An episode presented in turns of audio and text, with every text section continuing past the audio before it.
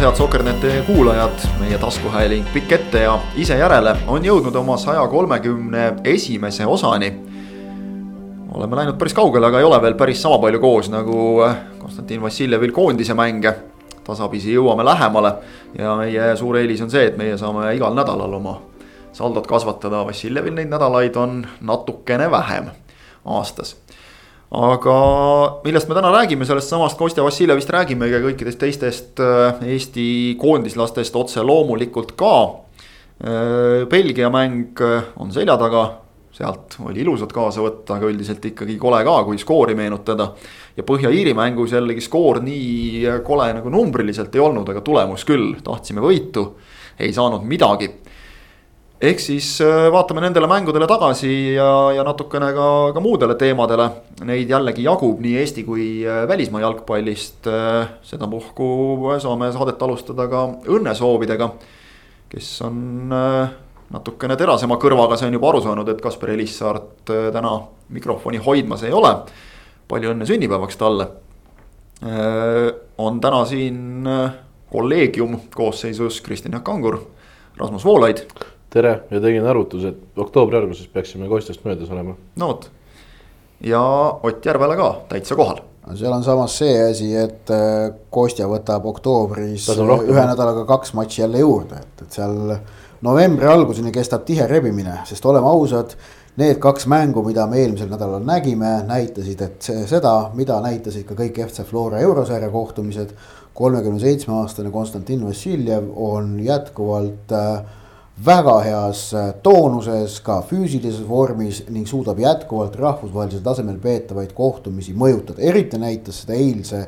Põhja-Iirimaaga peetud kohtumise avapoole, kus, kus tegelikult Vassiljev seda mängu seal noh, platsi peal nautis ja põhja-iirlased olid niimoodi, et hoidsid noh. no tegelikult no ma ei ütle, et kahe käega peast kinni hoidsid, aga nad silmnähtavalt olid närvis et, et Kostja neile seal ühelt ja teiselt poolt ära tegi, kahjuks sellest lihtsalt ei tulnud resultatiivset tulemust Idris Elbal ja Pipa Middletonil on ka sünnipäev täna. no vot, hea seltskond. Polegi midagi. kes see viimane oli?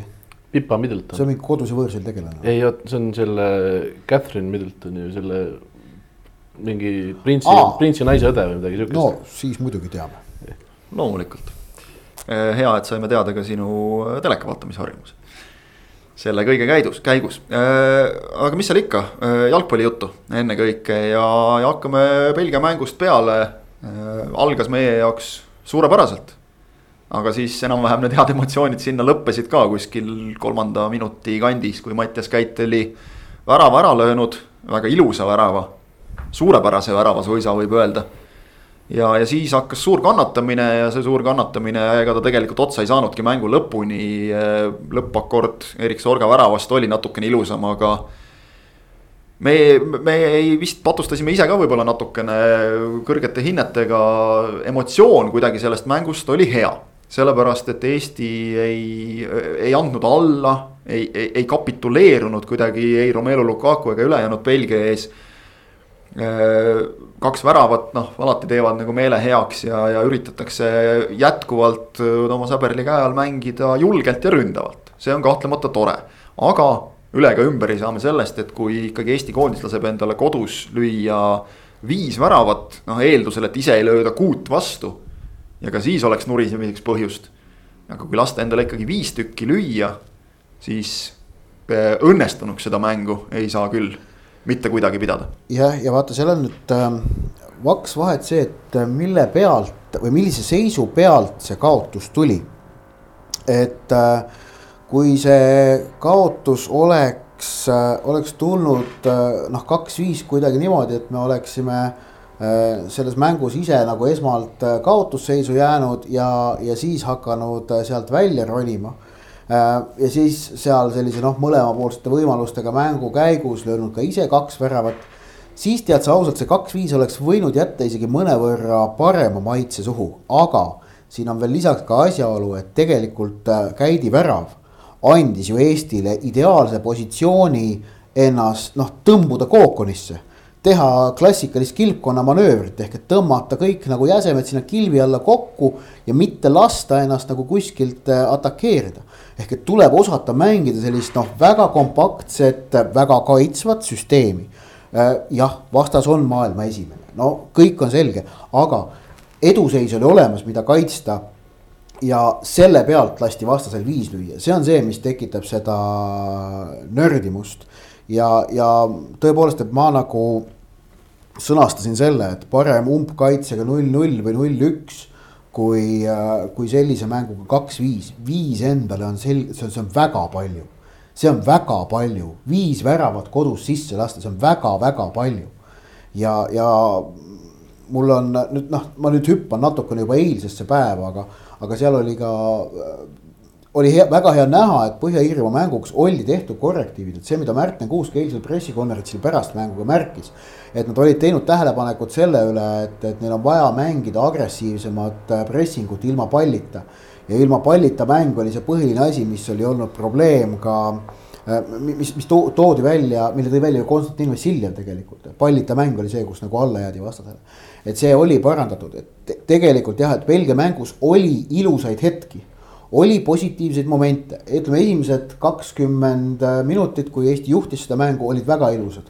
mängule eelnenud kaheksa-üheksa minutit olid fantastilised, sellepärast et publik, kuus tuhat pealtvaatajat oli staadionil. oli näha, kuidas see terve see publik hindas seda, et noh, asjad on nii, nagu nad kunagi olid. et, et meil on suur mäng algamas, meil on rahvas staadionil noh, nende inimeste jaoks piiranguid ei ole, saab ennast välja elada, saab jalgpalli nautida. Käit paneb noh, supervärava, ma just praegu ise Twitteris ka uuesti säutsusin seda veel, UEFA on seda eraldi välja toonud, et supervärav ja niimoodi noh, äge. ja kakskümmend minutit juhime kodus Belgia vastu, okei okay,, Belgia surub, see kõik oli hea, aga siis sellele järgnes noh, mis oli siis kakskümmend viis pluss veel, no mingi viiskümmend viis minutit seda, kus Belgia oli totaalselt noh äh, lõi, lõi viis väravat selle ajaga jah, avapoolel Eestil oli veel paar sellist poolmomenti, ka tore. Äh, samas ma kõik selle viimased viisteist minutit, mis seal juhtus, ehk et üks värav löödi ja oldi veel nagu paar rünnakut. selle ma võtaksin kõik sellest nagu positiivsest plaanist ikkagi maha, see ei loe. seis oli selleks hetkeks Belgia kasuks viis-üks, Belgia tegi, Belgia tegi vahetused, mis lõhkus nende rütmi ära, et ma seda lõpuheadust nagu positiivsesse bilanssi ei kanna Belgia mängust Äh, esiteks ma vastan sellele, et UEFA jagas Käidi väravat, see on väga tore, et UEFA aitab ka ikkagi mehel klubi otsida endale. ja teiseks mul tulid mingisugused paralleelid Martin Reimi koondise nii-öelda esimeste mängudega, kui ta pärast septembrikuist seda null viit Bosnia käest äh, vahetati välja või vahetati tema sisse nii-öelda Pärssini asemele. Ja siis esimene oktoobrikuine aken oli ka ju selline, et oh, Eesti koondis ründab Reimi käe all ja siis mindi Belgiasse, saadi hull pakk see oli vist üks kaheksa. just. -hmm. et noh, et nüüd oli ka äh, äh, juunikuus ju väga ilus mäng, võitsime Balti turniiri ja esimest korda üle kaheksakümne kolme aasta vist. ja nüüd siis oli, läksime Belgia vastu ka ja saime paki, ma loodan, et see no edasine noh, ta suudab selle balansi leida natukene paremini kui Martin Reimil see õnnestus omal ajal ja ma just mõtlesin ka, et, et kas see, see, see tunne, et, et see noh, kaks-viis kaotus, millega nagu tavaoludes. noh, esiteks on see kaotus, teiseks on ta ikkagi kolmeväravaline kaotus ja noh, kolmandaks see, et viis tükki endale lasta. millega nagu üldiselt pigem noh, väga sellise kriitilise meelega Eesti jalgpallifänn ei ole rahul et, et miskipärast praegu nagu oli väga palju sellist äh, positiivset, aga see, see vist tuleb tõesti sellest, et äh, mitte ainult äh, siin pool aastat, siin paar aastat on ju tegelikult olnud, see algas juba tegelikult nagu noh, Magnus Pärssoni käe alt, Reimi all oli siis see sähvatus, eks ole, et, et äh, noh, proovime ründavamalt saadi vastu näppe ja siis nagu taanduti jälle kuidagi kaitsesse ja, ja, ja noh, kuidagi nagu paljud on öelnud, et, et no vähemalt ei olnud selline mäng nagu Pärssoni ajal, et mingil põhjusel see, see Pärssoni aeg on paljudel nagu jubedalt hinges. et, et just see, see rõõm selle üle, et paar aastat on noh, olnud nagu tegelikult rõõmustati ka, ka märtsikuiste mängude üle. okei okay,, seal oli meil ka eksperimentaalkoosseis ja kõik, aga, aga kuidagi see, et, et noh, Eesti meeskond oskab rünnata. julgeb rünnata, et sellest ilmselt tunti nagu niivõrd palju puudust. et sellest tulevadki sellised võib-olla isegi natuke nagu ebaratsionaalsed rõõmupuhangud või, või, või hinnangud äh, mängul, et tegelikult kui võtta nagu noh, objektiivselt, et see null-üks Põhja-Iirimaaga oli parem tulemus kui nagu kahte halba, kahte kaotust saab üldse niimoodi võrrelda, või kuidagi parem mäng, loogilisem ja, mäng nagu. ja, ja esitus oli ka Põhja-Iirimaa vastu parem kui Belgia vastu. et, et tegelikult peaks nagu seda kõrgemale tõstma, aga, aga miskipärast. Emotsionaalselt nagu see, on asi teistpidi. emotsionaalselt on vastupidi. ma tsiteerin ühte oma, oma sõpra, kes on selline noh ma ei ütle täitsa nüüd pühapäeva jalgpallisõber, selline, kes ikka Eesti koondise mängudel on, on käinud ja, ja tema ütles pärast eilset mängu niimoodi. aga tegelikult ma võtaks kümme sellist nukravõitu kaotust enne kui ühe sellise mollivanni nagu Mainzis too oli ikka pikaks ajaks väga demotivee-, väga demotiveeriv fännina, tänase pealt võib edasi fännata. Jah, et noh, ütleme Mainziga ei saa võrrelda, sest seal oli nii, et, et me saime kaheksa sisse ja me istusime oma kastis, eks ja, ole. No, aga... tema, tema nagu iva on see, et, et ühesõnaga, et Häberli äh, koondis on, äh, on ikkagi äh, noh mängib jalgpalli ja sellepärast on seda võimalik vaadata Just. ja, ja, ja tasub vaadata ja talle meeldib seda vaadata et, et jah, ma, ma, ma sain ka, kohtasin ka päris palju arvamusi, et see kaks-viis, et polnud hullu midagi, minu jaoks oli, no viis on ikka no nii palju kodus, et see on noh. Et me võime ju rääkida nagu sellest ka, et noh, Romelu Lukaku mees, kes nüüd äh, vajutas siin äh, eile, eks ole, veel ühe yeah.. ja tšehhidele ja yeah., ja, ja nüüd tal on siis niimoodi, et, et tal on saja mänguga kuuskümmend seitse saja mänguga kuuskümmend seitse, aga esimese viiekümnega tuli neist seitseteist järgmise viiekümnega on tulnud viiskümmend.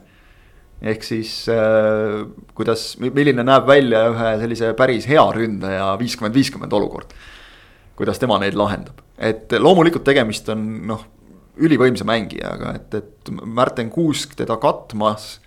noh, see ei olegi võrdne duell isegi Joonas Tamm teda katmas ei olnud võrdne duell, nagu Just. me nägime kuskil minut või kaks enne seda, kui see Hans Vanak, Vanaken lõi esimese värava, ehk siis enne üks-nulli peal, kui oli Lukaku seal kastis ja pani Tammega õlad kokku, ehk siis Eesti koondise ma usun, teadmata küll jõusaali numbreid, aga ma usun, et vaieldamatult kõige tugevam mängija, aga. no top kolm. Pigem ikkagi, ma arvan, et üks ikkagi. noh ma arvan, ma ei ole, ehk ma ei ole kindel, aga ma arvan. teinekord siin üllatavad sellised mehed, et. jah, seda küll, äkki, äkki on et mingi rinnalt surub rohkem või midagi. just, või oleks meil Ojamaa koondises, siis eks ole ka ilmselt seal oleks, oleks nagu madinad seal. Kallast, ja vot ma just mõtlengi Ken Kallaste peale, et noh, selline mitte nagu kõige laiem bänd õlgadest, aga võib-olla küll kõige sitkem, et aga no okei okay,, see selleks top kolm, noh. tamm pandi lihtsalt noh, õlg õla vastu ja pandi murule pikali. jah õlg õla vastu, mitte mingit käega lükkamist ega midagi muud ja, ja ta lendas nagu jahukott, et noh, see ongi see taseme vahe lihtsalt, et ega sellepärast üks mees mängibki seal, kus ta mängib ja teine mängib Chelsea's, et, et noh, see, see on nagu. selles mõttes kiitus meie meestele, aga, aga ainult selle taha vist, et vastased individuaalselt ikkagi nii kõvad on ka pugeda ei saa, me ikkagi mõne värava lasime endale ka nagu väga lihtsalt sisse jalutada. Heinale ei saa minu arust ühegi puhul öelda, et oleks pidanud ära võtma mõne puhul võib-olla, võib-olla oleks olnud võimalik ära võtta, aga kolm-neli olid isegi siuksed, kus nagu ei jäetud võimalustki. aga jah, seal esimene Lukaku oma oli vist see, mis, millele eelnes Metsaga kehv klaarimine, mille oleks võinud lihtsalt silmad kinni ära, ära lüüa. viimane oli Kallaste puhas pläkk. jah, siis teise puhul ei, äh, esimese puhul. esimese puhul. esimese puhul. esimene pikk, surve loogiline tulemus. pikk kaotas ikkagi oma mehe ära. seda küll jah, aga see oli noh, niisugune nagu loogiline, et kui sulle kakskümmend viis minutit järjest turm tuld tuleb no,. et siis mingil hetkel nagu noh, kuskil nad panevad oma paremuse maksma. aga teine oli nagu noh, konkreetselt ärahoitav et ühesõnaga, meil oli selles mängus endal ka oma, oma positiivseid momente küll, aga, aga kokkuvõttes sellest noh no selle teise värava puhul, teise värava puhul me võime öelda, et oli ebaõnn, et noh, et see kõik nagu juhtus, et lõi, oota, kuidas see oli, Mets lõi vastu. Mets lõi vastu Kreidat äkki jah. vastu Kreidat jah. aga, aga selle asja tingis ikkagi see madalale vajumine, kui ja, sa niivõrd küll. madalale oled vajunud siis ongi, et iga puude on kriitilise tähtsusega, iga vale või ekslik puude kingib potentsiaalselt vastasele üliohtliku momendi, nagu toona ka juhtus, ehk et see on. kuidagi ikkagi... Lukaku lahendamine muidugi oli, see oli ka ikkagi ekstra klass. jah, aga et, et see on, see on ikkagi asja taga on võistkondlik kaitsemäng mis, mis, mis tolles mängus ei toiminud. ma muuseas siin olen nüüd meie jutu taustaks otsustanud äh, laskuda interneti sügavustesse ja proovin üles otsida äh, korda, millal Eestile löödi viimati kodus mängides viis väravat, jättes kõrvale tänavu kevadise Eesti-Tšehhi kaks-kuue mis toimus, on ju Poolas no,. see, see ja, nagu ei loe jah. mis oli C-koondisega või no Eesti mingi BC vahelise. De jure kodus, de facto ei olnud kodus eh,. või ja, Ranno, Üllar Ranno arvates peaaegu oli.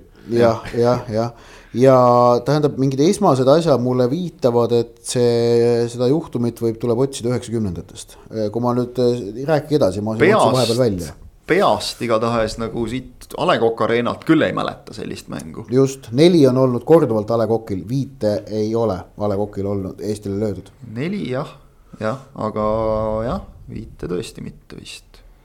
Ott otsib, me, me läheme edasi.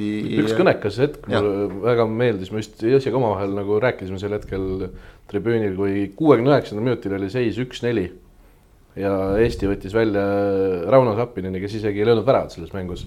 aga Sappinen on siis saavutanud sellise staatuse, et üks-neli kaotusseisus, kui ta ei ole ise väravat löönud, siis reaalselt fännitribüün nagu laulis tema nime ja, ja tähistas ja no muidugi see on noh, see on ilgelt sümpaatne ja ja nagu Sappinen igati väärib seda, aga see on ikkagi noh, nagu noh, mingisugune nagu järgmine aste järgmine aste tema jaoks ja, et mees, keda siin koondises ju tambiti mõnda aega ja, ja üleüldse, vot kui sa tõid selle hästi välja, et, et fännitribüün laulis, et, et ma, ma nagu varasematest mängudest. see isegi kehtib tegelikult Põhja-Iirimaa mängu kohta minu meelest, noh, mis, mis oli ka selline, et vahepeal oli fännitribüün vait, sest et noh, tõesti oli sellised hetked koondise mängus väga haruldane, ikkagi siin oli kaks tuhat viissada inimest, et väga haruldane on koondise mängus kuulda seda, kuidas kaitseliin omavahel üksteist juhendab, staadion on niivõrd vaikne.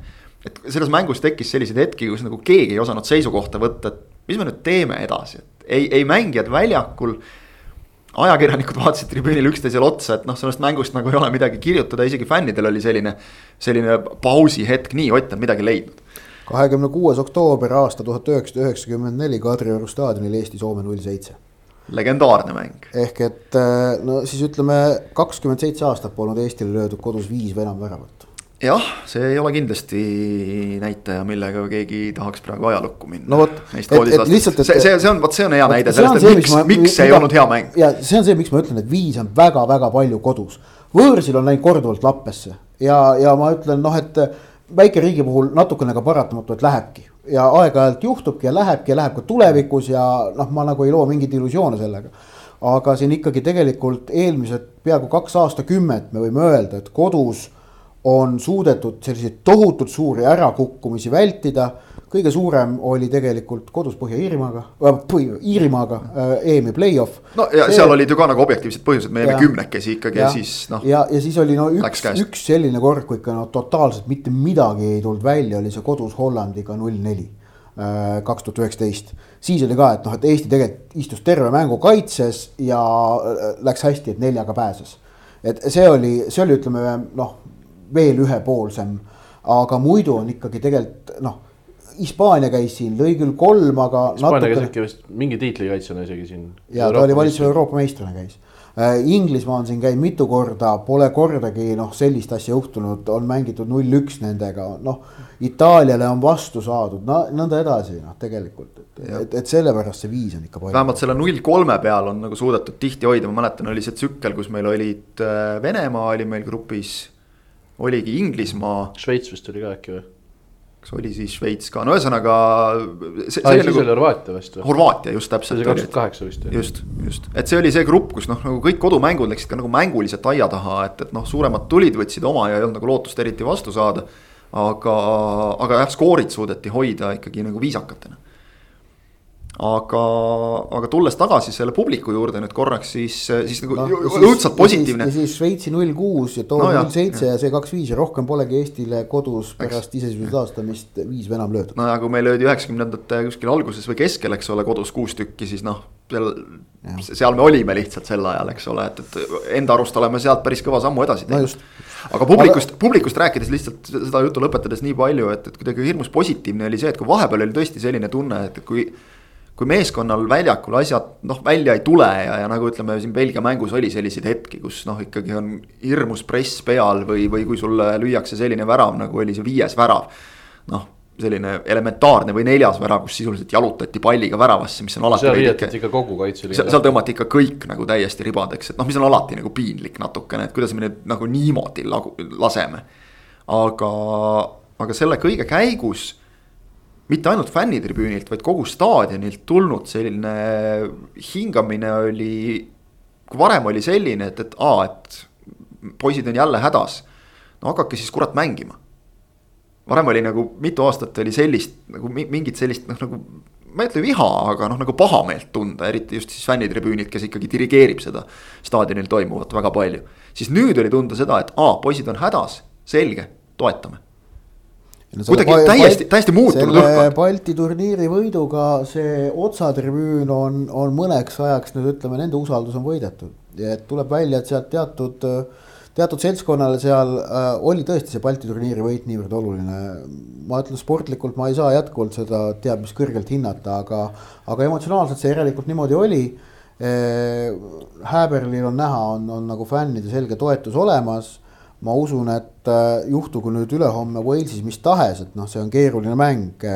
Wales tunneb praegu selget varianti selles grupis nüüd tšehhidest mööda minna. teisele kohale või ennast vinnata, Gareth Bale äh,. on tahab, motiveeritud. Gareth Bale on motiveeritud, et mängida oma karjääris esimest ja viimast korda maailmameistrivõistluste finaalturniiril äh,. nii et noh, see, see mäng ei tule oluliselt lihtsam Eesti jaoks kui see, mis meil siin nüüd Belgiaga oli, ma noh Äh, aga kui kodus oktoobris mängitakse nii Valgevene kui ka äh, Walesiga. Walesiga jah. just mm, -hmm. et, et, et nendeks mängudeks ma, ma tahaks loota, et kui meil nagu vabariigis nagu üldine olukord on täitsa okei okay,, et siis nagu publik tuleb ka siis toetama ja, ja kaasa elama. aga, aga jah, no okei okay,, ma nüüd lõin siin lamenti selle Belgia, Belgia poolt löödud viie üle. jah, samas tuleb möönda, et, et noh, see Belgia, noh, see Belgia oli väga hea ka, tõesti olid aga Tule. Eesti ei mänginud ikkagi oma võimeid välja ja vot see oli see, mis seal nagu närima jäi, et kui sa nagu, kui sa nagu mängid selle välja, mis sul on ja ikka saad tappa. näiteks ma võtaksin selle koduse Saksamaa null kolme, et, et kus küll jäi Saksamaa kiiresti punasega vähemusse. ega Eesti ei mänginud seal mängus, noh, minu meelest mängis peaaegu võimete piiril, aga ikka läks nii, natukene ei olnud õnne ja ikkagi läks nii. aga seekord Belgia vastu minu meelest seda ei olnud ja see nagu natukene häirib aga siis tegelikult ka, et see Põhja-Iirimaa vastu tehtud esitus, et, et äh, ma, ma seda kaotust ausalt öelda ikkagi noh, kohe üldse üle ei dramatiseeriks, sellepärast et no see oli, see on see, mis asi spordis võib vahest juhtuda, nagu, mis see Kuusk ütleski, et jalgpall on hull mäng, on ju. et noh, Põhja-Iirimaal oli null võimalust selle mängu jooksul, aga lõid ühe värava ähm,. mitte, et Eesti ründemäng oleks olnud teab mis hea, see oli see koht, mis nüüd jäi puudu et, et enda võimaluste realiseerimine, jah, Eesti oleks pidanud saama penalti mängu alguses, no mida rohkem seda Sapineni kukutamist üheteistkümnendal minutil vaatad, seda rohkem see penalti on, on ju.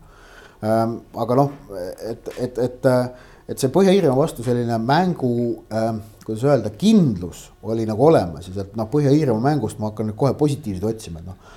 Maksim Baskotši viimase kaitsjana lükkab sööte vastase vahelt läbi, kaunis vaadata ja, ja miks ta lükkab neid, sest tal on see enesekindlus sees olemas, et ta teab, et need pallid lähevad kohale. ta usaldab iseennast niivõrd palju, see näitab seda taset see on äh, nüüd, see, see on nüüd märk sellest, et igapäevaselt treenid tippklubis, seal ja. õpetataksegi sind just nimelt niimoodi käituma, mitte ja. võtma neid kõige turvalisemaid lahendusi vastu, vaid just. mängima nii-öelda oma võimete noh ülemise näiteks, piiri, ütleme ülemise piiri lähedal. ja vot see on näiteks, võtame kohe eilsest mängust jälle vastupidise näite, Markus Poom kes Just. mitmel puhul valis liiga turvalise lahenduse. ei otsinud seda söötu, mis oli riskantne ettepoole, vaid mängis natuke lihtsama palli äkki tahapoole või, või tegi ühe puute rohkem. et, et ja sellega võtab on ju mängust tempo maha. Äh, kolleeg Joosep Susi eile, eilse mängu vaheajal ütles mulle sellise asja, kuule, Baskotši aga meil ei ole ju kunagi varem nii head kaitsjat olnud ja tuletan meelde, meil on Ragnar Klavan olemas Eesti jalgpallil.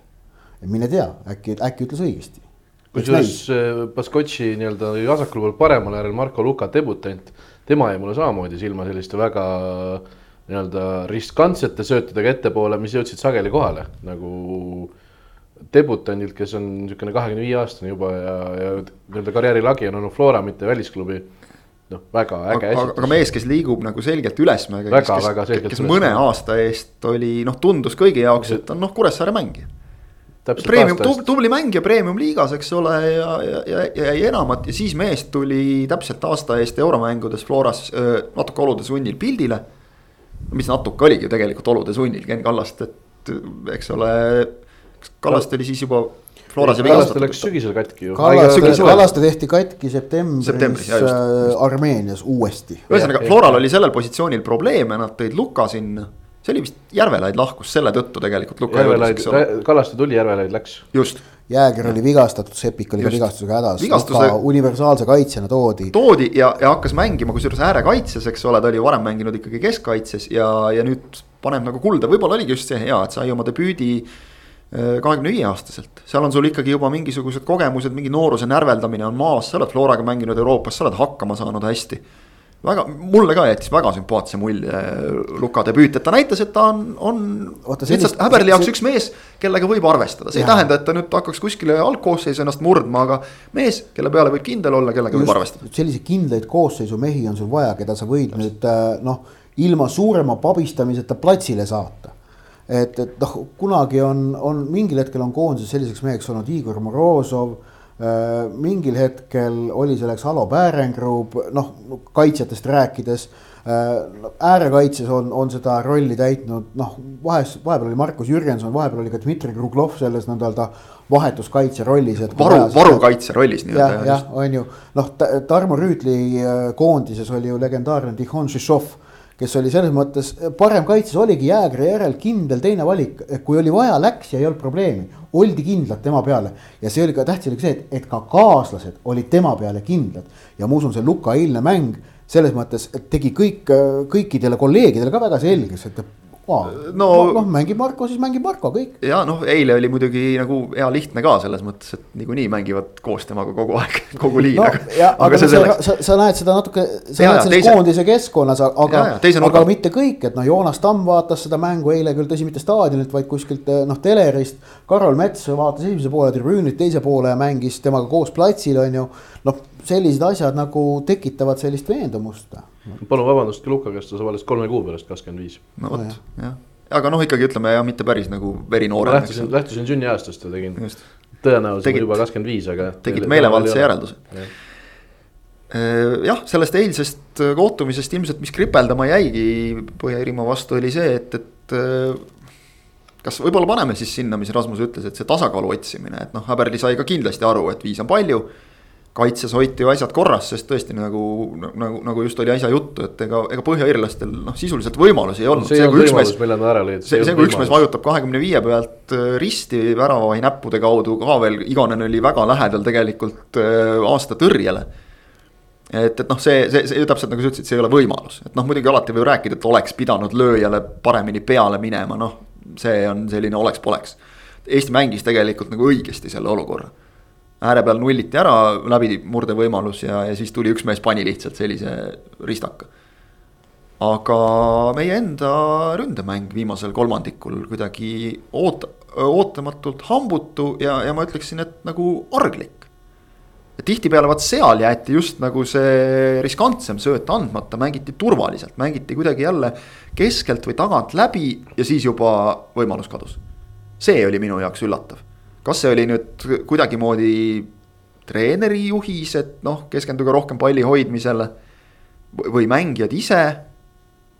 ma ei tea, väristamine on ilmselt palju öeldud, aga, aga noh, meie mänguülevaade, ülevaate ehk klubi pealkiri oleks muna veeretamine.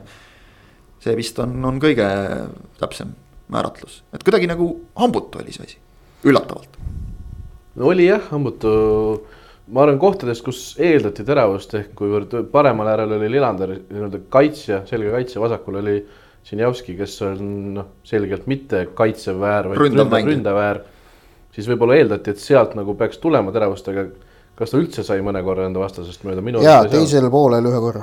teisel poolel ühe korra õnnestus jah, aga, aga esimesel poolel mitte kordagi. ta sai paar nurgalööki kätte küll, et sa ei saa öelda, et on midagi nagu ei jäänud näppude vahele, aga need nurgalöögid olid ka sellised, et ta no, proovis mööda olid... mängida, ei õnnestunud, pani Senderduse väravapõrkest tuli üle nurga. et need, need olid pigem olukordadest, kus noh, õnnestunud lahendus oleks olnud jah, möödamängimine, selle võimalus oli ja siis võttis noh, miinimumi välja, aga, aga seda selle eest nagu nüüd ääremängijat kiita, et sa suutsid vastase põrkest nurgalöögi saada. panen siin Javski võrdlusesse eurosarjades nähtud Hendrik Ojamaaga, siis Ojamaa võidab selle võrdluse üpris hõlpsalt.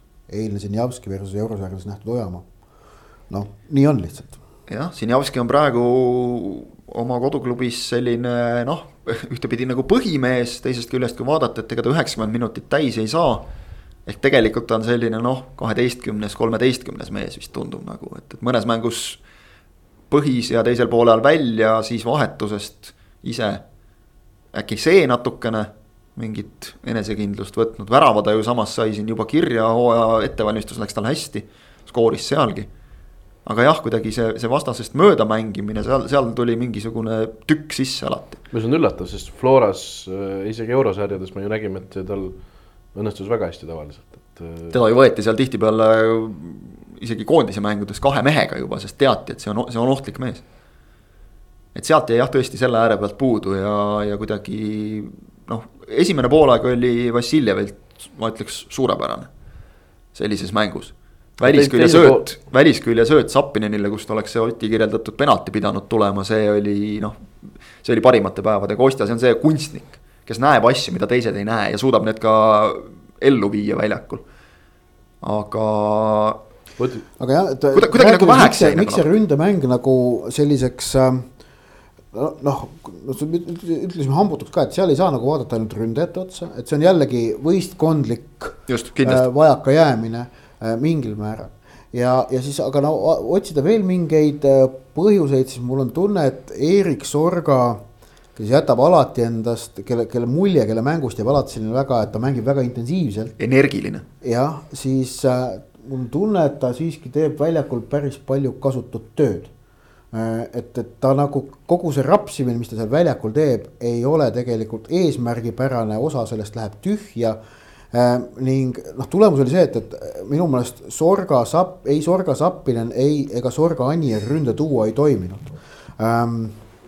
Kui, äh, kui, kui oli, kui Eesti jäi kaotusseisus, ma ütlesin, ei, ma ütlesin isegi sutsu ennem, kui Eesti jäi kaotusseisu, ütlesin tribüünil kellelegi teist, et äh, tegelikult tahaks nüüd Sorga asemel ees näha just nimelt Zenjovi mitte Kirssi, vaid Zenjovi, et panna selle Anieri võimsuse kõrvale see Zenjovi sirgjoonelisus Äh, ja see vahetus oligi treeneritel plaanis, see tehti kohe pärast seda vära-, iirlaste, põhja-iirlaste väravat ära, aga kuna oli kaotusseisu jäädud, siis tegelikult seda lahendust mängiti ainult vist neli minutit. Siis toodi ka Kirss platsile, pandi Kirss Anieri kõrvale, Zenjov lükati äärele Zinjavski asemele.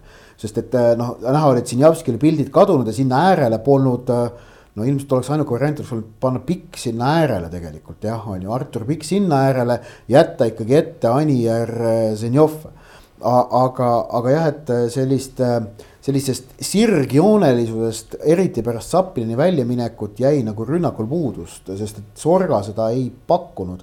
ja Sorga noh, ütleme nii, et ründajat hinnatakse lõpuks selle järgi, kuidas ta nüüd oma nappide ja võimalustega ümber käib. Sorgal oli kaks väga head šanssi. ühes korras ta ei söötnud, teises korras ta ei löönud ära ütleme isegi selle mitte äralöömist, noh, on nagu lihtsam põhjendada, seal väravavaht sai hästi käe vahele ja ta võitles, võitluses kaitsjaga noh, natukene nagu ja. tasakaalust väljas, tegi korraliku löögi.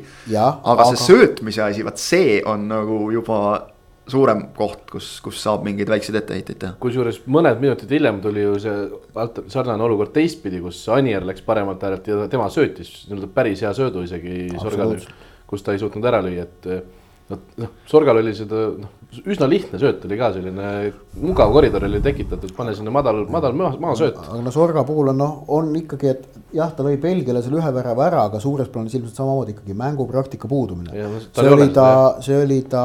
kaks mängu on. neljas mäng viimase umbes poole aasta jooksul, ta tegi Hollandis kaks mängu ja nüüd oli koondisest teine mäng. ei, ta tegi ühe korra vist sai veel MLS-is ka pärast seda, kui ta tagasi läks okay,, aga see oli kümme minutit umbes. nojah no, no, no viies mäng siis jah.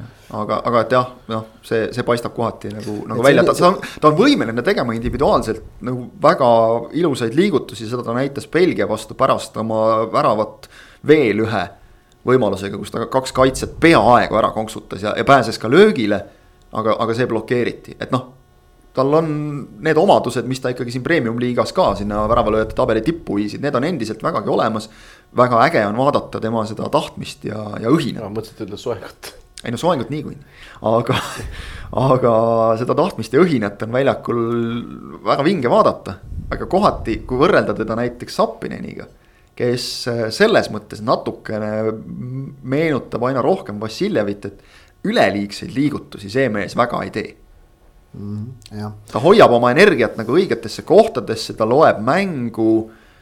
tema, tema mäng on rohkem sellel põhinev ja, ja vot seda peab tema enda käest nüüd küsima, et kui palju ta näiteks äh, uurib äh, enne mängu ise vastase kaitsjate harjumusi, asju, kui palju ta näiteks ise eeltööd teeb, nagu head ründajad teevad, ma usun, et teeb. Sest et vähemalt mängus paistab küll, et, et ta on väga selgelt, see paistis juba Flora euromängudes välja, et. et ta teab nagu hästi, et kummale poole mingi mehe pealt maha pöörata.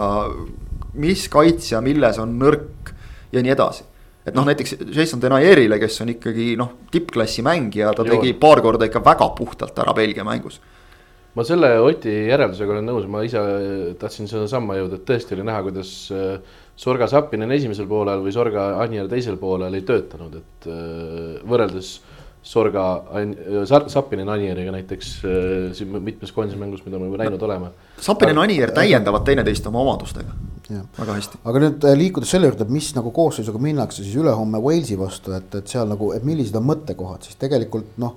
edurivis mõttekohti ei ole, kui vähegi võimalik, Sappinen, Anier, keskväljal mõttekohti äh,. Vassiljevi ja Käidi osas Just. ei ole äh,. aga nüüd on küsimus see, et kas, kas Kreida koht on löögi all või mitte äh,. ma pigem arvan, et ei ole, kuigi Mets mängis seda positsiooni hästi äh, aga, aga ütleme nii, et Kreida oli noh, ka esimesel poolel piisavalt hea, ma arvan, et ta säilitas enda koha. seda Eriti, enam.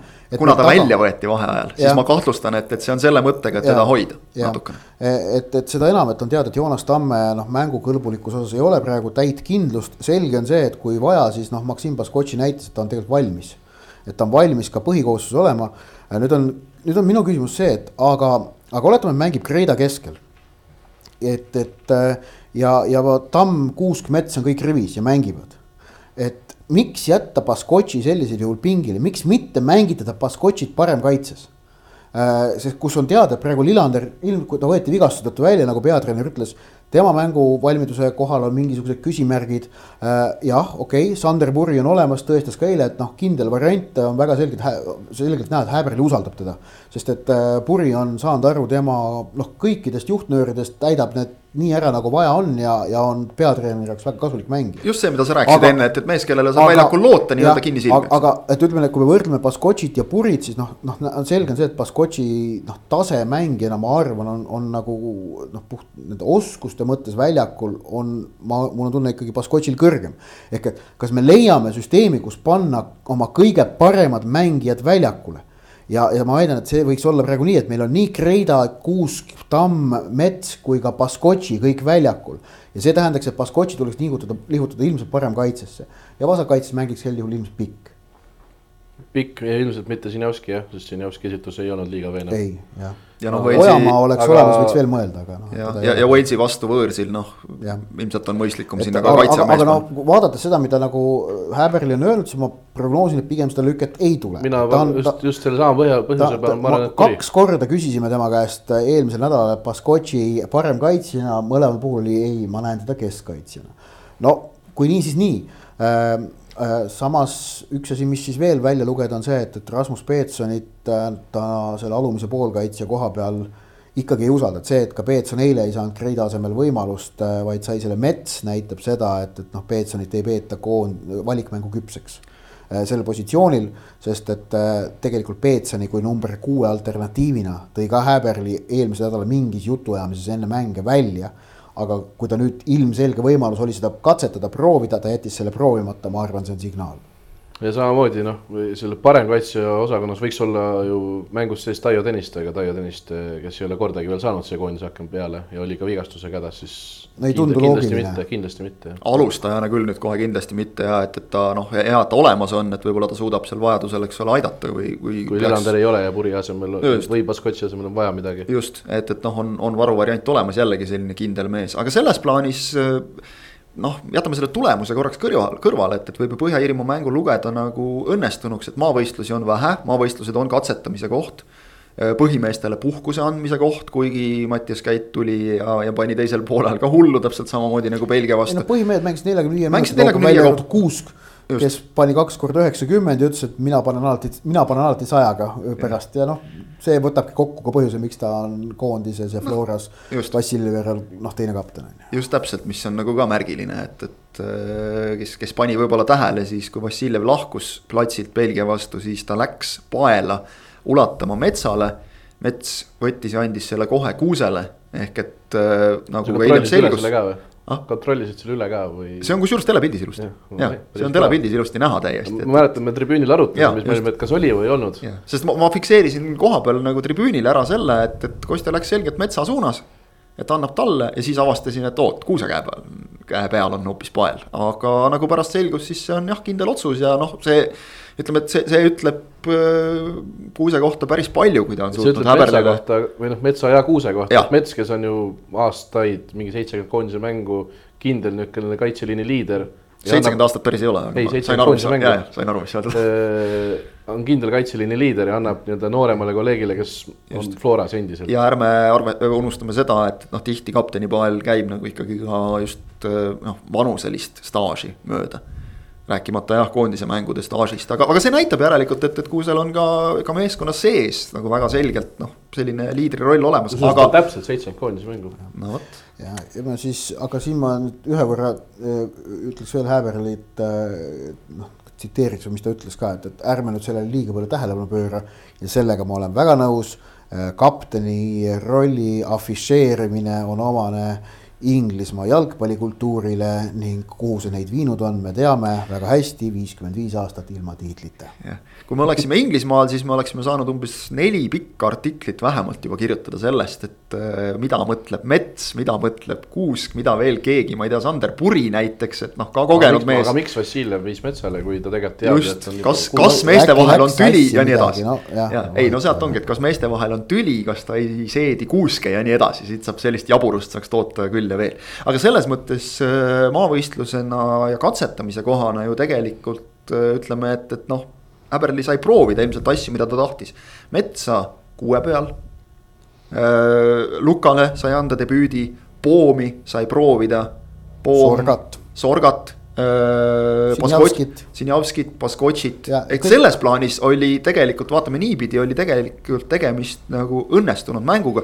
ja jättes skoori kõrvale, vaadates seda, et põhjairlastel oli vähe võimalusi.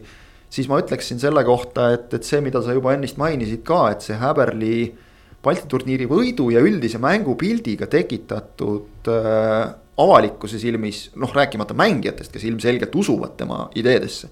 ja asi, mida vahepeal päris tükk aega nagu ei näinud väljakul, mängijad, kes naudivad jalgpalli mängimist.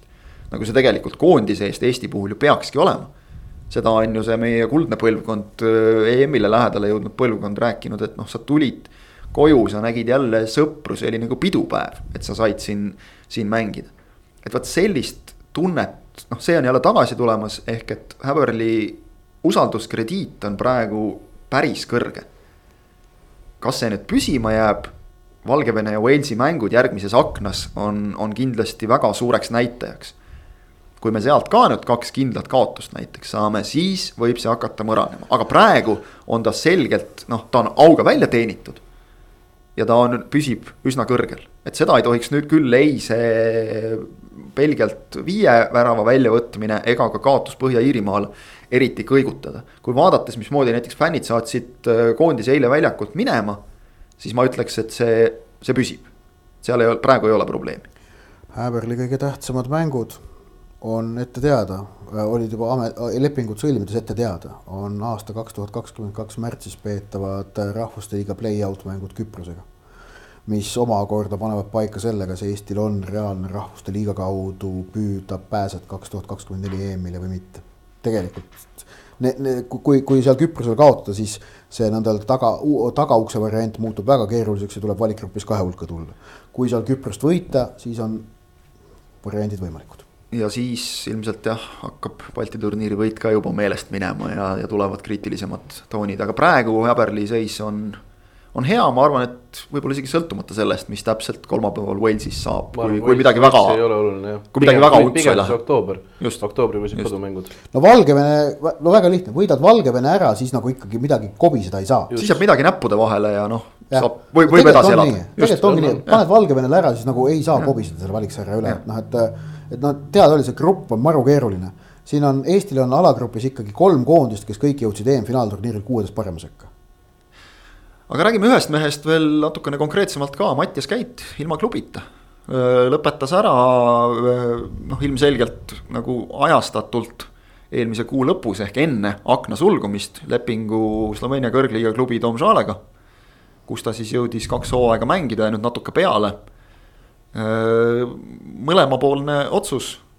noh, ütleme taustajuttudest on olnud aru saada, et, et võib-olla see Domžale ei ole nagu päris see Domžale ka, kuhu Käit läks, sest et kui Käit läks sinna siis oli Domžale olnud viimasest viiest hooajast neljal esikolmikus ja korra vist neljas. ehk et tegu oli ikkagi Sloveenia tippklubiga noh, esimesel hooajal jäädi vaevu püsima liigasse, eelmisel hooajal saadi neljas koht kätte, mängiti nüüd Euroopas, seal ju ikkagi asi lõppes ka lõpuks üsnagi nagu piinliku pakiga Rosenborgi vastu.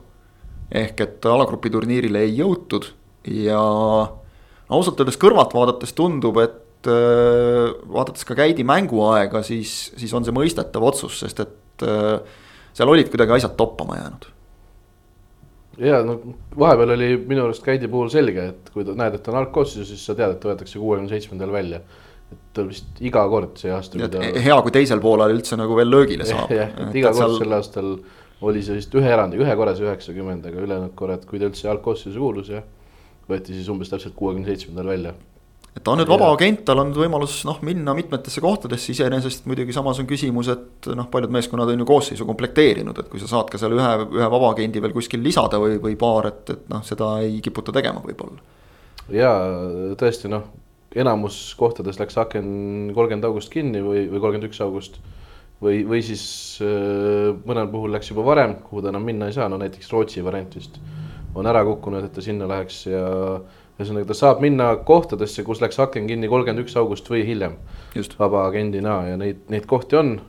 aga nagu Harju Ojamaa ütles, siis äh, võetakse rahulikult, ei tormata, no mis on, mis on no, ilmselgelt mõistlik, aga no tahaks hirmsasti loota küll, et äh, ta leiab endale koha, sest noh, praegu kõrvalt vaadates ei tundu väga välistatud, et ta ka jaanuarini peaks ripakil olema. võimatu kindlasti no. ei ole ja seal on ütleme nii, et see koha leidmine jah, et ühelt poolt on ju klubid on ennast komplekteerinud, aga teisalt jalgpallimängu kahetsusväärne kaasnähe on tõsised vigastused ehk et eh, kui, kui keegi kuskil noh, sarnasel positsioonil mingi, mingi tõsisema trauma saab, siis on noh, käit on praegu nõnda öelda see siis see nõnda öelda olemasolev äh, hädalahendus tõsi, sealt on pikaajalist lepingut teenida, selle pealt on nagu keeruline, aga võib-olla see pole tingimata hetkel ka äh, täielik eesmärk, eks ole. võib-olla praegu, praegu peakski olema eesmärk ennast noh, saada kuskile heasse kohta, kus on võimalik ennast näidata ja siis jällegi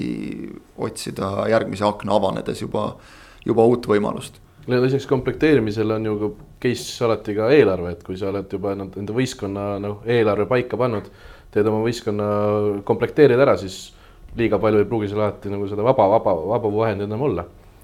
Käidi puhul me vist unustame nagu tihti ära selle ka, et tegelikult on ju tegemist ikkagi noore mängijaga veel.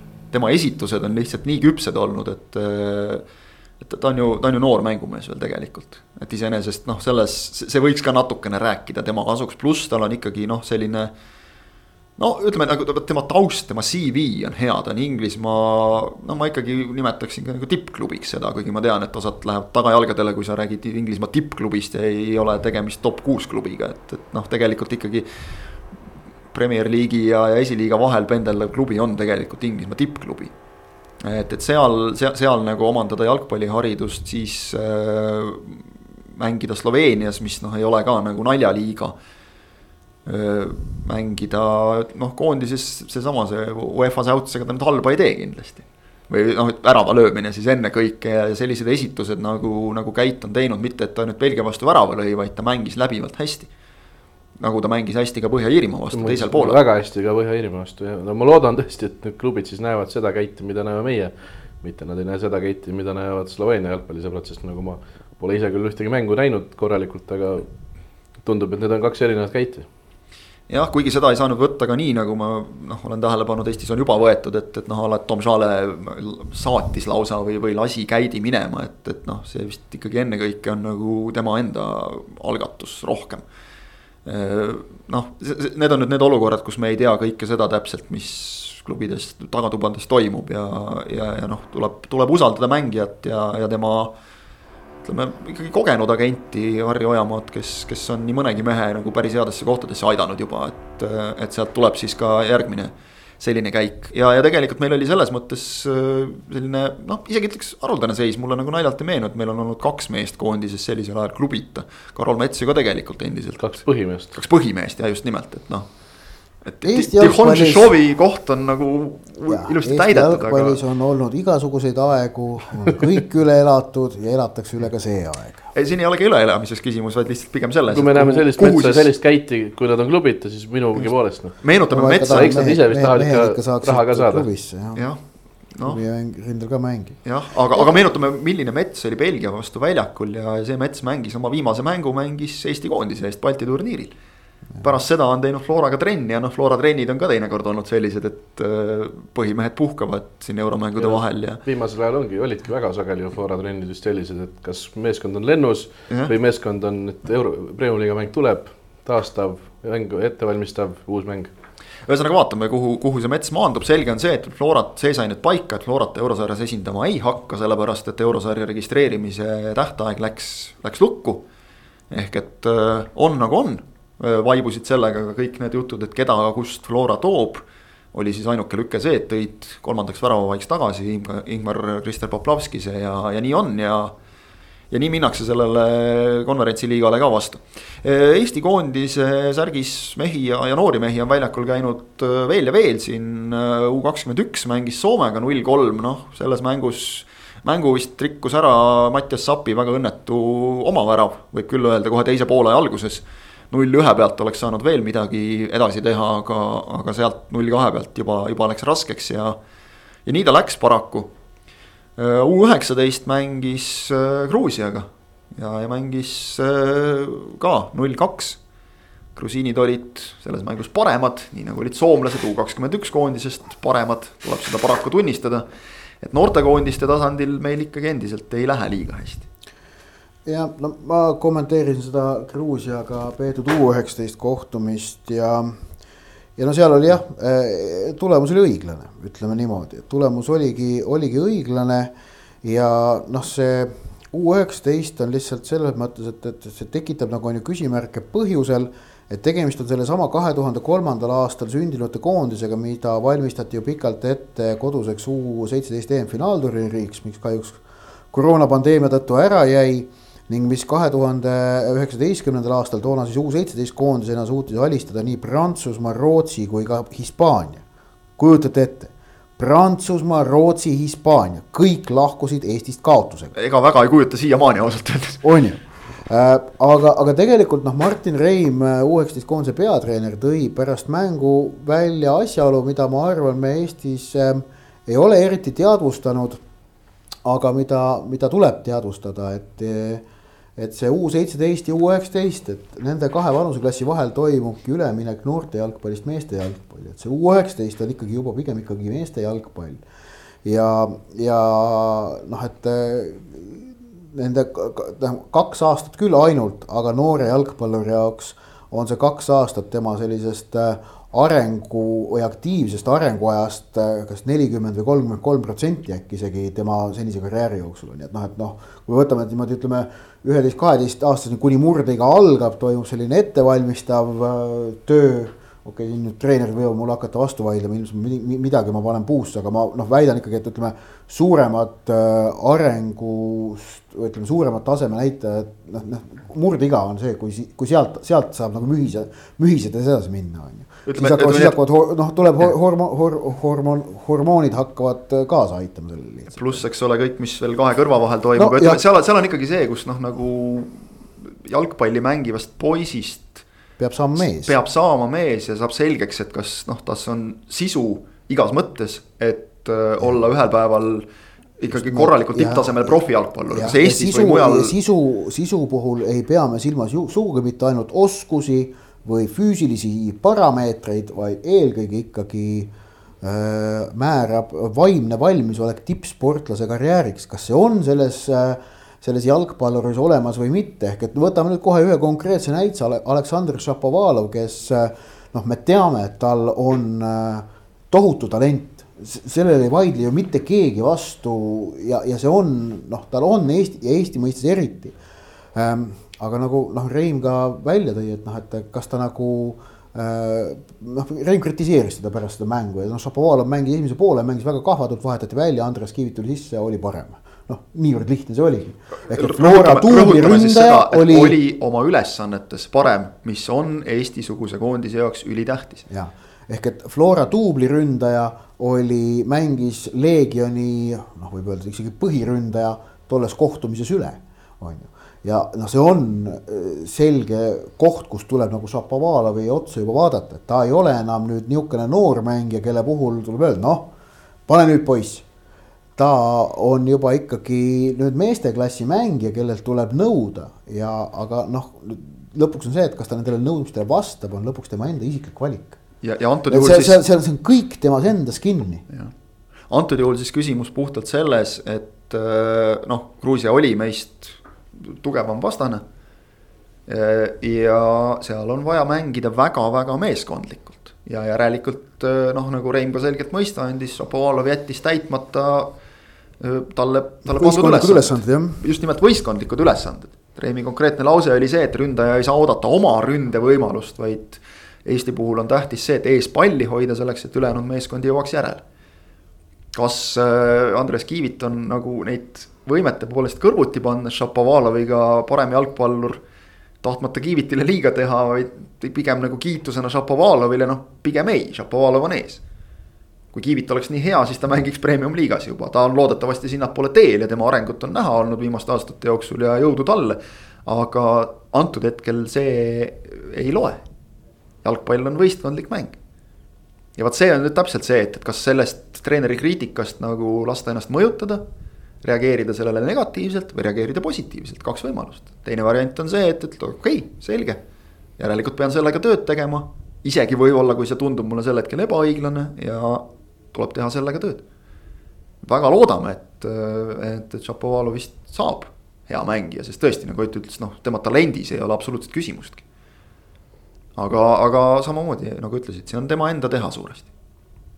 vaatame Eesti U üheksateist ja U kakskümmend üks koondis mängivad mõlemad äh, homme ehk siis teisipäeval äh, äh, veel korra. U üheksateist mängib uuesti Gruusiaga. ehk teine maavõistlus veel ja, ja nagu Reim ütles, väga olulised mängud on need, et, et saada seda noh, rahvusvahelist jalgpalli tempot ja, ja tunnet ja U kakskümmend üks mängib meil Pärnus Norraga. Norraga jah, ma lihtsalt ütlen siia vahele nii palju, et U kakskümmend üks koondise viimane võit EM-valikmängus pärineb kaks tuhat kolmteist aastast. see on halb ja viimane võit üldse aastast kaks tuhat viisteist, eks. jaanuarist. jaanuarist.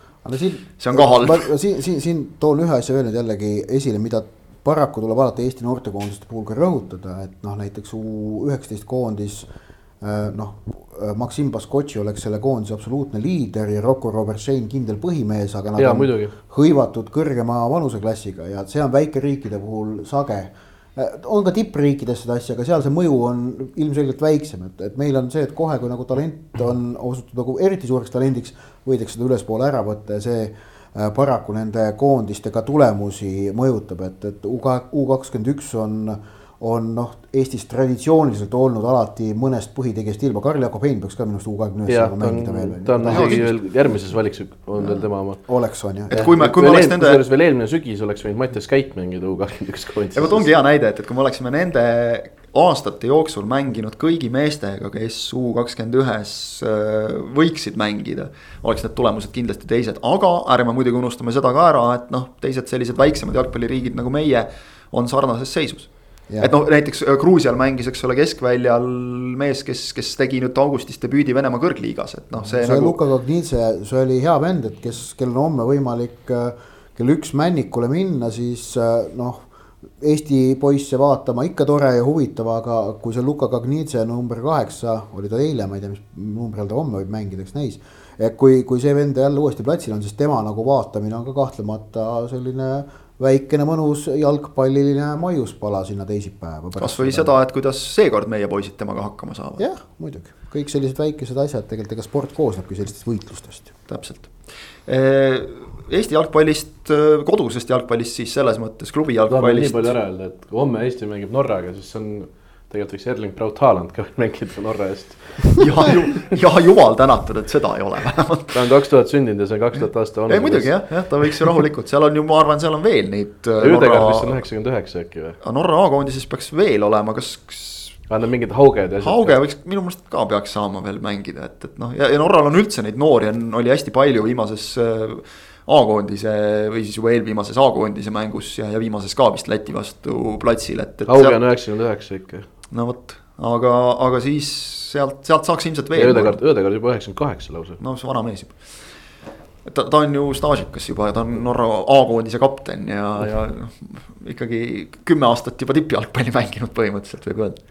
aga Eesti klubi jalgpallis üks äh, oluline sündmus ja noh, võib-olla mõneti isegi märgiline sündmus aset ikkagi leidis äh, lõppenud nädala jooksul, kui asi, millest me oleme kaua-kaua-kaua rääkinud ehk Riik Tartu Tammeka. Äh, lõpuks tehti Tartus see otsus ära, mida noh, võis nagu oodata ehk et äh, noh, meeskonda sa, kui, kui meeskonnal ei, ei suju asjad, siis meeskonda sa välja vahetada ei saa. vahetatakse enamasti välja treener. Kaido Koppel ametist prii ja tagasi vana tuttav Dmitri Skalašnikovs, selles mõttes äh, ju loogiline valik, et ega meil Eestis praegu vabu treenereid peale. Arbeiter ja Voolaidi väga nagu ei ole valida.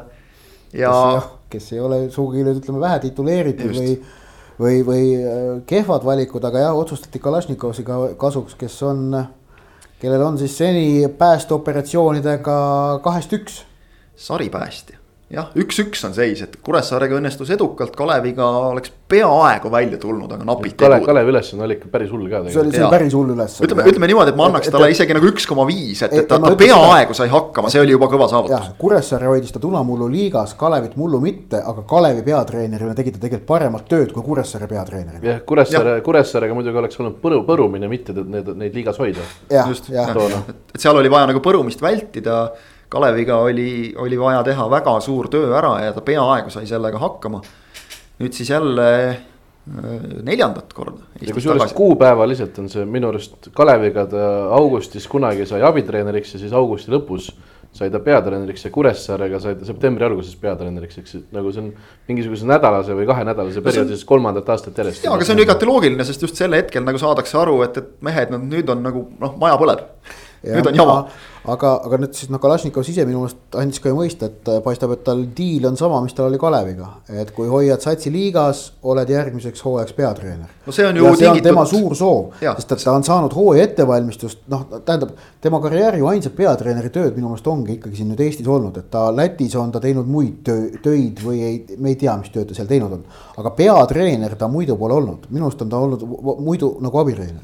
ütleme nii, et oleme ausad, me, me kõik oleme selles mõttes natukene erapoolikul seisukohal, et Dmitri Kalašnikov on ajakirjanike jaoks ülimalt tore treener, kellega, kes, kes eh, mitte selles mõttes, et ta nagu, eh, kuidas öelda, poputaks või meelitaks või midagi, ta on väga asjalik ja temaga on alati huvitav rääkida, ta räägib jalgpallist huvitavalt, kirglikult ja, ja minule ajakirjanikuna sellised eh, treenerid äh, alati meeldivad. Ja ta suhtub nagu lugupidamisega meisse, me suhtume lugupidamisega temasse. ja ta saab Nii... aru, et äh, on aru saada temaga rääkides, et ta on nagu mõtleb väga selgelt enda jaoks läbi, mida ta teeb, miks ta teeb. Kasutas... milliseid sõnumeid ta avalikkusele saadab läbi ajakirjanduse. ka seda, aga ma mõtlen just treeneri töös või noh, näiteks ka see on näitaja, et, et kui ta vahepeal Eestist jälle priiks sai, ma nüüd ei mäleta, milliste kordade vahel, kas see oli nüüd enne Kalevit, vist enne Kalevit jah. et ta omandas näiteks äh, kodumaal pro litsentsi mm. -hmm minu meelest omandas, vähemalt ta käis treeneri kursustel, ühesõnaga ta, ta on selline äh, mood, moodne noor treener, kes tahab ja. kogu aeg õppida, areneda. aga tema CV-le muidugi see ei ole nagu üldse kasuks tulnud, et kui sa lõpetad noh, nagu äh, äh, poole hooaja pealt Transiga, noh kõrvalt vaadatakse ja. ikka, et mis juhtus, siis pool hooaega Kuressaarega või vähem alla poole hooaja Kaleviga, noh nüüd tal oleks vaja ühte õnnestumist ka, et ta tegelikult isegi poetas sisse, et loodan töötada üle kolme kuu seekord Eestis. et, et see, see nagu mõjub, mõjub noh. Transiga ta sai teha hooaja ettevalmistuse, aga Transis ütleme noh. ta oli liiga hea nende jaoks. ta on, ta oli liiga euroopalik treener Transi äh, töömaneeride jaoks. see on aus, see on aus hinnang ja see on nüüd asi, mille peale Transi mehed ise ka solvuda ei saa. seal klubis käivad asjad teistmoodi ja Kalašnikovi äh, mõtteviis oli selle jaoks liiga euroopalik aga kas liiga Lääne-Euroopa. kas Transiga ei olnud ju päriselt see, et tema tulemused olid liiga head, ta oli, ta oli kas neljandal kohal, ta oleks pidanud hakkama umbes palgakõrgendust saama mingi. selle kohta jah, ta ise ütles, et nii see oli, kas tegelikult noh no, ja, ilmselt jah, seal on no, mingid no,. seal oli vist ka see, et, et, et Narvas noh, vahel oodatakse sult enamat kui ainult esindusmeeskonna peatreeneri kohuste täitmist. ja siis... ka, ja ka teatud äh, juhtnööridele no, kuidas öelda juhtimise järg, järgimist. jah, et, et ühesõnaga vaatame huviga, mida Kalašnikovs teeb nüüd Tammekaga ähm, reaalselt võttes nagu vaadates seda jõudu, mis võistkonnas peitub. Tammeka ei tohiks kahe viimase sekka premium-liigas jääda. Materjali... No, ise, isegi vaatamata kõigile nendele raskustele, mis Tammekal ka koosseisuga on tänavu olnud, ikkagi ei tohiks kahe viimase sekka jääda. materjali poolest, noh, materjali on. Materjali on ja, ja loodame, et uue treeneri efekt siis ka tõmbab selle, noh, ütleme Tartut kõrgliigas, no, no on vaja et meie kõrgliiga ei läheks liiga, mitte vägisi, aga lihtsalt, et meie kõrgliiga ei läheks liiga Tallinna keskseks. see, see ei oleks pigem hea, ma arvan. ülesanne on praegu siis neli punkti on Kuressaarega vahe ja Kuressaare on kaheksas. ja kaheksas koht juba nii-öelda päästaks üleminekumängudest, ehk siis. oluliselt kergem ülesanne kui oli Kaleviga. Kus, kus ütleme noh, materjali selles Kalevis ma ütleks, oli selgelt vähem, kui, kui on praeguses Tammekas. siin on ikkagi praegune A-koondislane on tammekas. näiteks, et äh, jah, ootame ja, ja vaatame. see tabeli teine pool on endiselt väga põnev. ja ootame ja vaatame tuleb ilmselt öelda ka selle kohta, mis, mis on välismaalt praegu fookuses, ehk siis äh, Bardak Brasiilias võib selle pealkirjastada Nende kohalikud lannod ikka ütleme, et panid meie omale pika puuga ära, sest et äh, siin, siin ikkagi nagu väljakult jõuga mängijaid keset mängu ära viima Eestis ei ole veel hakatud. ma loodasin selle pealkirjaga nüüd. jah seal on nüüd, äh, vaata tahaks sellest pikemalt rääkida, aga pigem on, ütleme, mis puudub siis öö, eile õhtul äh, alanud, aga pooleli jäänud Brasiilia-Argentiina kohtumist. aga ma arvan, meil ei ole väga palju mõtet sellest rääkida, sellepärast et see juhtum on nagu pidevalt arenev.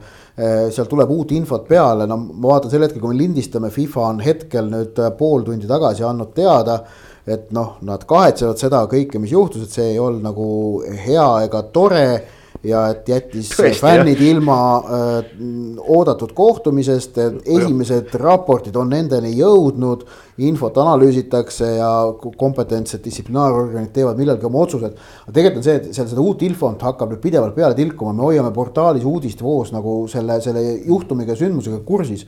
et ma arvan, vaadake sealt, et me, me, me noh. ei no asjade käiku ei ole mõtet rääkida, sest et siin võib iga tund tulla tõesti nagu uus otsus, aga, aga noh, selge on see, et seda mängu praegu ei mängitud ja, ja nüüd praegu ei mängita ka, sest et uued valikmängud tulevad peale, millal nad selle mängu ära mängivad, kas nad selle mängu üldse ära mängivad see on suur, suur küsimus, aga see, kuidas kogu see asi suudeti noh, nagu ära korraldada.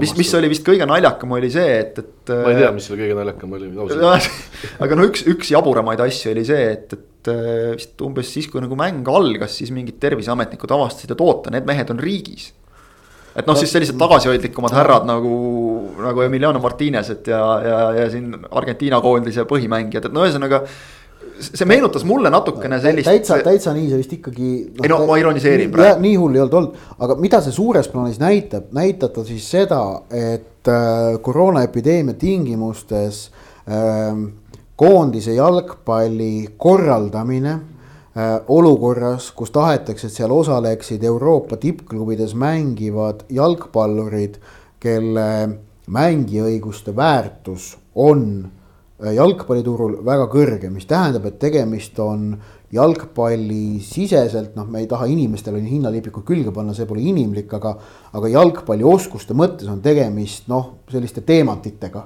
Äh, et, et, et kui tahta koondise jalgpalli mängida niimoodi, et need teemantid on olemas, siis see nõuab kõikidelt asjasse puutuvatelt organisatsioonidelt, nendeks on nii äh, maailmajao alaliit kui ka riiklikud alaliidud väga suurt äh, pingutust ja suutlikkust suhelda äh, ka riiklike valitsustega, et need erinevad piirangud oleksid säärased või, või saavutada kokkuleppeid, mis võimaldaksid neid mänge läbi viia. praegu me oleme nüüd selgelt näinud seda, et Põhja-Ameerika suudab, aga Põhja-Ameerikal on praegu selles mõttes lihtne seis ka, et nende mm valiksarja on jõudnud faasi, kus on alles ainult kaheksa koondist. ja, ja nendes kaheksa koondise seas ütleme noh, selliseid äh, väga suuri arengumaid enam lihtsalt ei ole ja, ja kui vaja, siis need mõned mängud tõstetakse lihtsalt kuskile USA-sse või, või mõnele muu või, või mõnda neutraalsesse kohta ja nemad saavad hakkama. teiseks me oleme näinud seda, Aasia saab hakkama. Aasia, aga Aasias on ka praegu kaksteist riiki alles no,. Ja, ja on ka mõnevõrra lihtsam. ja arvestame kultuuritausta, et noh, Aasia on saanud kogu selle pandeemia haldamisega ikkagi ju. nojah, okei okay. no,, aga Aasia saab hakkama, Aasias on praegu mängud alanud, toimunud, pole probleeme olnud Euroopa, me näeme, saab hakkama, selles pole kunagi mingit kahtlust olnud, Euroopa sai hakkama ka eelmine sügis ainsa maailmajaona, kes mängis tegelikult eelmine sügis terve täisprogrammi ma jäin, näen... ma jäin praegu mõtlema, et kas see, mis Eesti koondisega toimus, et, et kas see on nagu enam-vähem Euroopas olnud nagu. ei no ei, seal eelmine, eelmine sügis tuli ka üks loobumine, tehniline, tehniline kaotus ja, ja, ja seal on muid asju. aga kui ma mõtlen nagu noh, üldiselt nagu asja keerukuse peale, et siis nagu kohe oli plaan olemas, et kui, mis, mida teha siis, kui on jama. jama tuli ja mäng toimus, toimus mis ta oli, kaks päeva hiljem umbes, eks ole, ja mäng toimus ja toimus noh, normaalsel kujul ikkagi no,. see oli jalgpall, mida me see oli jalgpall, mida, just täpselt, me ei näinud mingisugust farssi, eks ja. ole. aga no, meil on nüüd probleemid, probleemid on olnud Aafrikaga Äh, ja see ei ole ootamatu, Aafrika on maailma jalgpallis kõige pretensioonikam maailmajagu, aga kõige kehvema sisemise korralduse ja struktuuriga maailmajagu.